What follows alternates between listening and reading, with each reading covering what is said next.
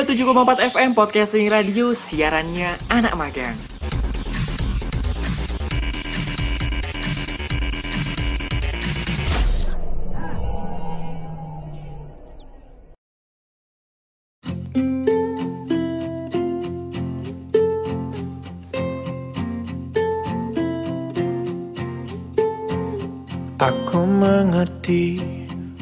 perjalanan hidup yang kini kau lalui.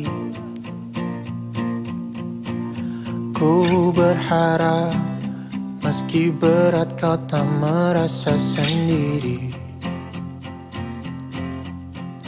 Kau telah berjuang menaklukkan hari-harimu yang tak mudah.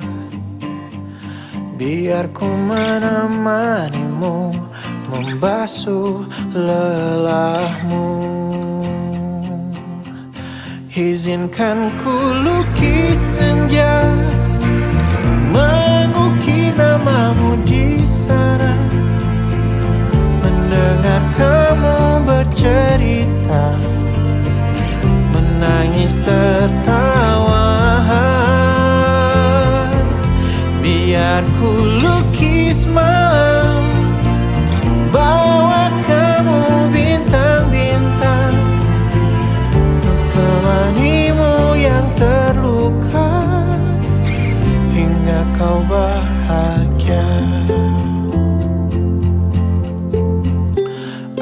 Di sini.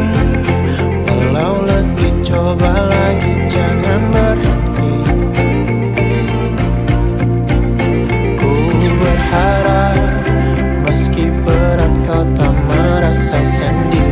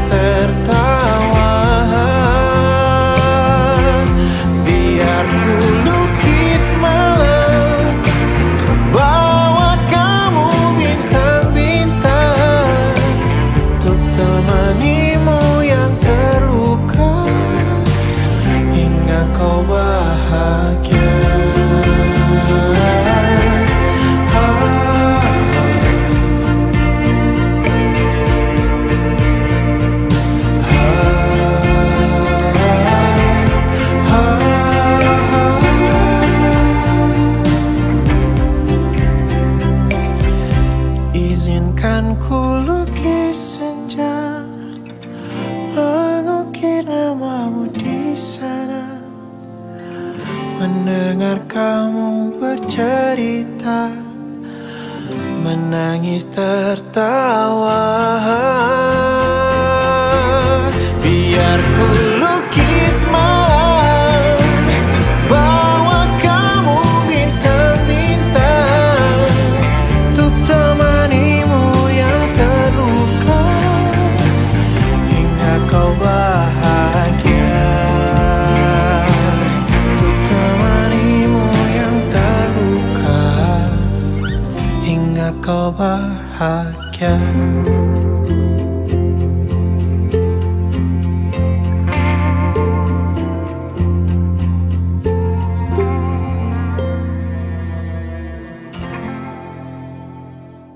Izinkan ku lukis senja Mengukir namamu di sana.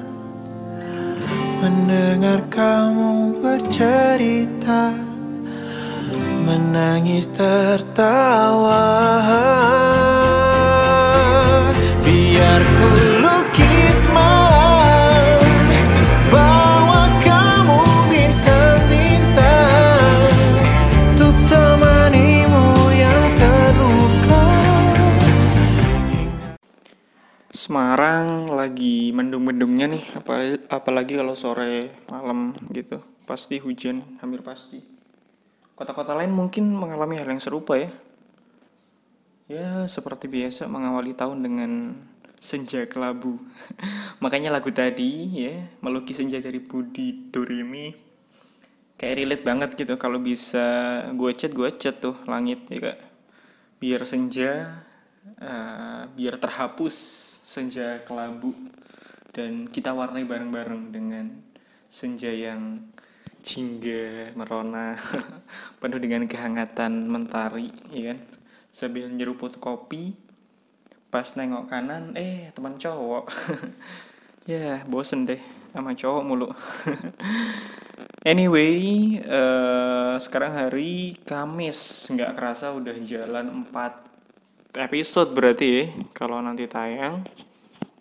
Wow lumayan juga tuh 4 episode. Dan gue masih ngerasain sih masih belum sangat optimal ter, ter, terutama terkait materi siarannya karena gue ngelakuin semua sendiri dan juga ya masih hanya sebatas nggak niat-niat amat risetnya gitu. Apalagi dalam recordingnya juga seadanya maka mix seadanya. Dan ya semoga uh, challenge-nya dapat berjalan dengan baik dan sampai sam, uh, sampai 30 hari rencana gue 30 hari. Kalau misalnya bisa lebih ya alhamdulillah.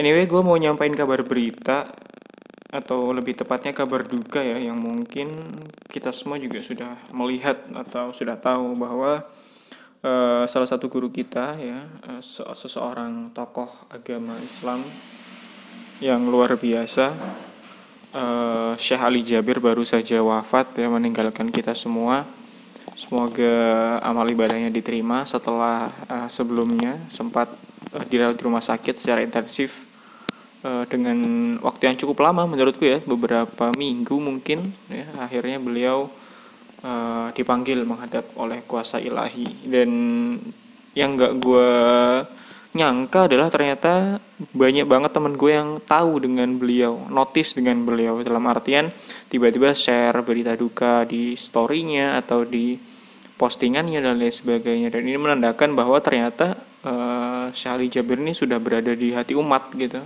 keberadaannya. Entah personanya entah dakwahnya atau entah uh, apa pun itulah ya beliau dalam membumikan Islam membumikan Al-Quran di tengah-tengah pemuda berarti telah berhasil. Apalagi setelah mungkin ya gue curiga sih mungkin eh, orang-orang ini baru tahu atau baru nggak dengan beliau ketika insiden penusukan. Jadi ternyata insiden penusukan itu uh, memiliki ibroh ya bagi Syekh Ali Jabir dan juga kita masyarakat Indonesia khususnya para pemuda ya bahwa ternyata lewat uh, insiden itulah kita mengenal beliau, mengenal bagaimana baiknya uh, beliau, mengenal bagaimana ramahnya dan juga beradabnya beliau dan bagaimana beliau itu ternyata sangat dicintai oleh umat dan beliau saat ini telah tiada. Maka ini menjadi sebuah kesedihan sebenarnya sih buat kita semua ya dan semoga ini menjadi pengingat bagi gue pribadi ya uh, bahwa ajal itu bisa sampai kapan pun di depan pintu rumah kita gitu. Uh, dan juga ya biar menambah hazan. Ilmu pengetahuan mungkin ya. Gue mau menyertakan hadis nih. Boleh lah ya jarang-jarang juga masukin hadis ke konten ini. Bahwa Rasul itu ngomong gini kematian ulama adalah musibah yang tak tergantikan ya. jadi musibah yang luar biasa adalah kematian seorang ulama. Kemudian uh, beliau mengumpamakan sebagai sebuah kebocoran, kebocoran yang tidak bisa ditambal dan juga wafatnya ulama laksana bintang yang tak padam. Ya. Ternyata meninggalnya seorang ulama itu luar biasa banget ya, dan bagaimana Allah dan Rasulnya memberikan perhatian yang luar biasa, kedudukan yang luar biasa istimewa kepada para ulama. Dan beliau mengatakan bahwa meninggalnya orang satu suku ya, itu lebih mudah daripada meninggalnya satu ulama. Ini luar biasa sih bagaimana uh, Rasul dan Allah memberikan pot apa ya tempat yang luar biasa bagi seorang ulama. Dan ini menjadi reminder juga ya sekali lagi buat gue pribadi dan juga buat kawan-kawan semua ya untuk kemudian senantiasa beramal soleh. At least lah meskipun kita jauh ya dari predikat ulama, at least kita sebagai pengikutnya ulama. Itu dia kabar duka kita yang pertama. Wow, berarti ada banyak dong. Aduh, kayaknya hari-hari kita dipenuhi dengan duka deh. Ya tapi semoga kita selalu dikuatkan anyway kabar berikutnya datang dari Kalimantan Selatan eh, tepatnya di Kabupaten Banjar dan Tanah Laut ya eh, jadi di sana terdapat tujuh kecamatan yang terendam banjir hingga ketinggian 2 meter wah ini luar biasa banget sih Hmm, padahal kalau kalau dipikir-pikir Kalimantan itu kan gue tidak bisa bilang Kalimantan itu dataran rendah ya. Kalimantan itu termasuk dataran sedengan, bukan yang rendah, bukan yang tinggi banget. Tapi itu kan sebagai paru-paru dunia ya, sebagai eh, hutan tropis di sana juga banyak. Tapi terjadi bencana yang luar biasa seperti ini. Ya, sebagai orang awam dan sebagai orang yang berpengetahuan dasar mungkin ya karena hutannya digunduli ya sesimpel itu deh ya, ya pasti ada permasalahan-permasalahan lainnya lah tapi eh, apa ya indika eh, variabel bahwa hutan digunduli itu juga merupakan variabel terjadinya bencana alam. Dan ini sangat make sense banget sih. Selain ya ada pengaturan drainase dan lain sebagainya. Tapi ya semoga eh, cepat surut ya eh, banjirnya. Eh, dan tujuh kecamatan ini eh, segera inilah dapat dievakuasi warganya, harta bendanya dan semoga tidak ada kerugian yang berarti dan pemerintah daerahnya bisa segera merecovery gitu. Dan juga teman-teman semua jangan lupa untuk mendoakan ya eh, kawan-kawan eh, yang ada di Kalsel di kecamatan eh, Banjar eh di Kabupaten Banjar dan Laut Utara dan juga sama-sama kita mendoakan Syekh Ali Jabir. siarannya siarannya jadi ini nih, jadi mendung kayak kelabu sore hari ini karena dua kabar berita tadi. Tapi oke, okay, kadang hidup memang nggak nggak mulu tentang senang-senang doang kan, ya kan? Kita diciptakan dengan sangat seimbang. Ada senangnya, ada dukanya. Ya mungkin hari ini adalah hari-hari duka gitu dan duka buat kita juga belum tentu uh, duka menurut Allah ya kak dalam artian ya ambil aja ibrohnya apa pun itu kemudian ya, sudah dua berita tadi oh ya gue juga mau ngomongin ini nih ini bukan kabar duka sih ini mungkin kabar ya lucu dan disayangkan aja uh, seperti kita ketahui ya Raffi Ahmad sebagai seorang superstar influencer artis host dan lain sebagainya menjadi RI2 dalam tanda kutip sebagai penerima vaksin. Harusnya kayak Ma'ruf dulu ya yang RI2 ya, maksudnya ya presiden divaksin kemudian wakilnya dong divaksin. Tapi ini malah Raffi Ahmad ya is oke okay lah sebagai kalau tulisan ini sebagai sebagai perwakilan anak muda ya elah anak muda. Ya bisa dibilang masih muda sih Raffi Ahmad. Uh, nah itu kan orang-orang pada muji tuh Raffi Ahmad, eh baguslah langkahnya pemerintah konkret uh, mengundang Raffi, Raffi Ahmad karena emang dia influencer yang daya influence-nya gede banget cuy. Dia mungkin pintu kamarnya macet aja mungkin masuk berita kali ya, atau mungkin dia lagi diari mungkin masuk berita tuh. Tapi kemudian uh, paradoknya adalah dia malam-malam setelah uh, ya tahu sendirilah uh, si Raffi Ahmad kan gimana kerjaannya di dunia hiburan kan aktif banget habis divaksin paginya malamnya dia uh, outing gitu sama teman-temannya dan foto-foto tanpa jaga jarak dan, tanpa pakai masker dan itu tersebar di dunia sosial dan tahu sendiri lah ketika di dunia sosial dunia sosial media sosial ya akhirnya semua viral dan akhirnya dalam tanda kutip dihujat kali ya. Bukan dihujat sih lebih tepatnya tapi di, dinyinyirin gitu. Dan ya namanya netizen lah ya kita nggak bisa menghakimi apa kata netizen tapi at least ya buat teman-teman semua jangan menganggap uh, vaksin ini adalah uh, apa ya istilahnya ya yang membuat segala hal menjadi baik. Iya itu benar tapi dengan adanya vaksin juga tidak membuat covid ini hilang gitu. Lu divaksin nih lu akan sedikit lebih kebal dari biasanya itu aja. Tapi lu bakal tetap sangat mudah terinfeksi oleh virus-virus corona juga dan virus-virus lain, maka ya cara paling benar ya tetap terapkan 3M secara ketat, kemudian lu makan makanan yang sehat, memperkuat imun uh, tubuh lu sendiri, ya dan jangan keluar-keluar kalau nggak perlu gitu aja sih.